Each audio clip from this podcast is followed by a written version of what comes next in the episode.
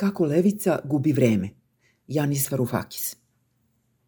Teško podnosim nasumično nasilje, ali ponekad mi nasumična pohvala pada još teže. Atinski taksista, simpatizer nacista, nedavno mi je rekao Glasam za zlatnu zoru, ali vama se divim. Bolje bi mi bilo da me udari u stomak. Istu mučninu sam osetio pre neki dan dok sam čitao predloge mađarskog premijera Viktora Orbana za postizanje mira u Ukrajini, slične onima koje predlažem od početka Putinove invazije.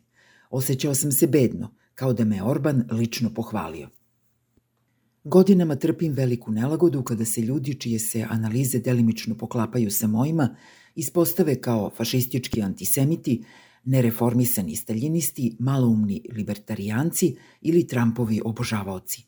Dobre analize bankarskih prevara tu prerastaju u podle napade na jevreje, kritika zlatnog doba ranog financijalizovanog kapitalizma u slavopojke Sjedinjenim državama, a forensička analiza sklonosti centralnih banaka da se kockaju s našim novcem završava se ludačkim predlozima o uvođenju neke kriptovalute u skladu sa opasnom libertarijanskom idejom o apolitičnom novcu.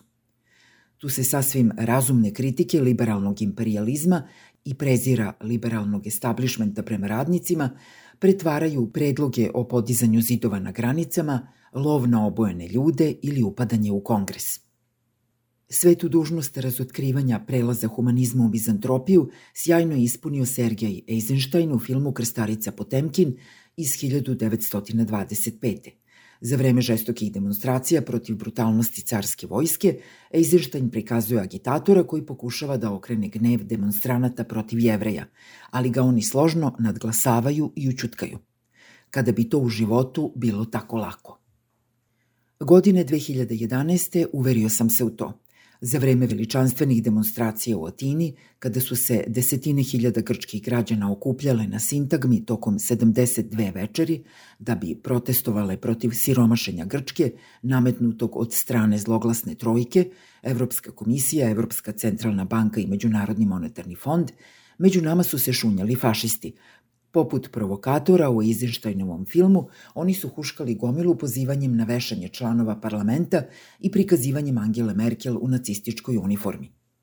Mada se levica distancirala od fašista okupljanjem na donjem delu sintagme, žao mi je što se nikada nismo pozabavili fašistima odlučno, kao demonstranti u Eizensteinovom filmu. Još gore, u zastupni porazi koje leva internacionala trpi decenijama, učinili su da mnogi levičari prigrle odvratnu logiku da je neprijatelj moga neprijatelja moj prijatelj. Godine 1981. učestvovao sam na malim londonskim demonstracijama protiv Sadama Huseina, tadašnjeg miljenika Zapada, čiji je režim izvršio invaziju Irana – Nakon kratkog pritvora dočekala me je kritika mojih prijatelja sa levice. Rekli su mi da sam naivan jer ne uviđam da je podrška Iraku, koji se jedini u regionu suprotstavlja Izraelu, sastavni deo naše podrške palestincima.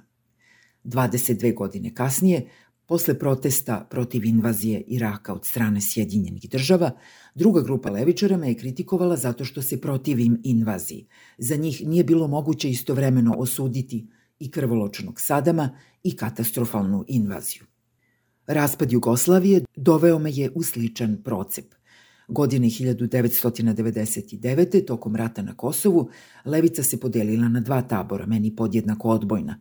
Neki su upali u zamku podrške režimu Slobodana Miloševića kao poslednjoj brani pred američkim imperializmom i nemačkim ekonomskim ekspanzionizmom na Balkanu. Drugi su NATO bombardovanje Savezne republike Jugoslavije shvatali kao liberalnu intervenciju, neophodnu za uvođenje demokratije na Balkan. Bili su to usamljenički dani za one koji su se sa istim žarom suprotstavljali Miloševićevom fašizmu i nelegalnom NATO bombardovanju srpskih civila. Meni najteži takav trenutak nastupio je 2001. za vreme sastanka fakultetskog odbora na Atinskom univerzitetu, kada se na dnevnom redu našao predlog da se Vladimiru Putinu dodeli počasni doktorat u zamenu za sličnu čast koju bi Moskovski državni univerzitet dodelio našem predsedniku. Jedini sam glasao protiv uz argument da Putin na svojim rukama ima krv 200.000 Čečena. Učene kolege sa levice kasnije su me prekorevale zbog toga što ne shvatam da je podrška autokratskom pseudo-caru u Rusiji mala cena za zaustavljanje širenja američke moći u istočnoj Evropi.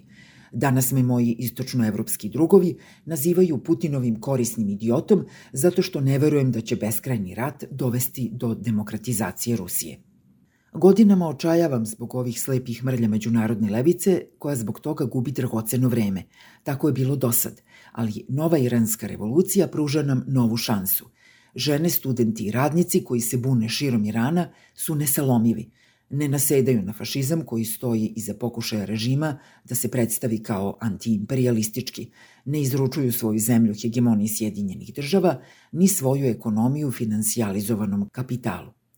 Oni na težak način uče kako da odbiju pogrešne binarne suprotnosti, neoliberalizam etatizam, imperializam autokratija, patrijarhat konzumerizam. Nadam se i verujem da će tome naučiti i nas.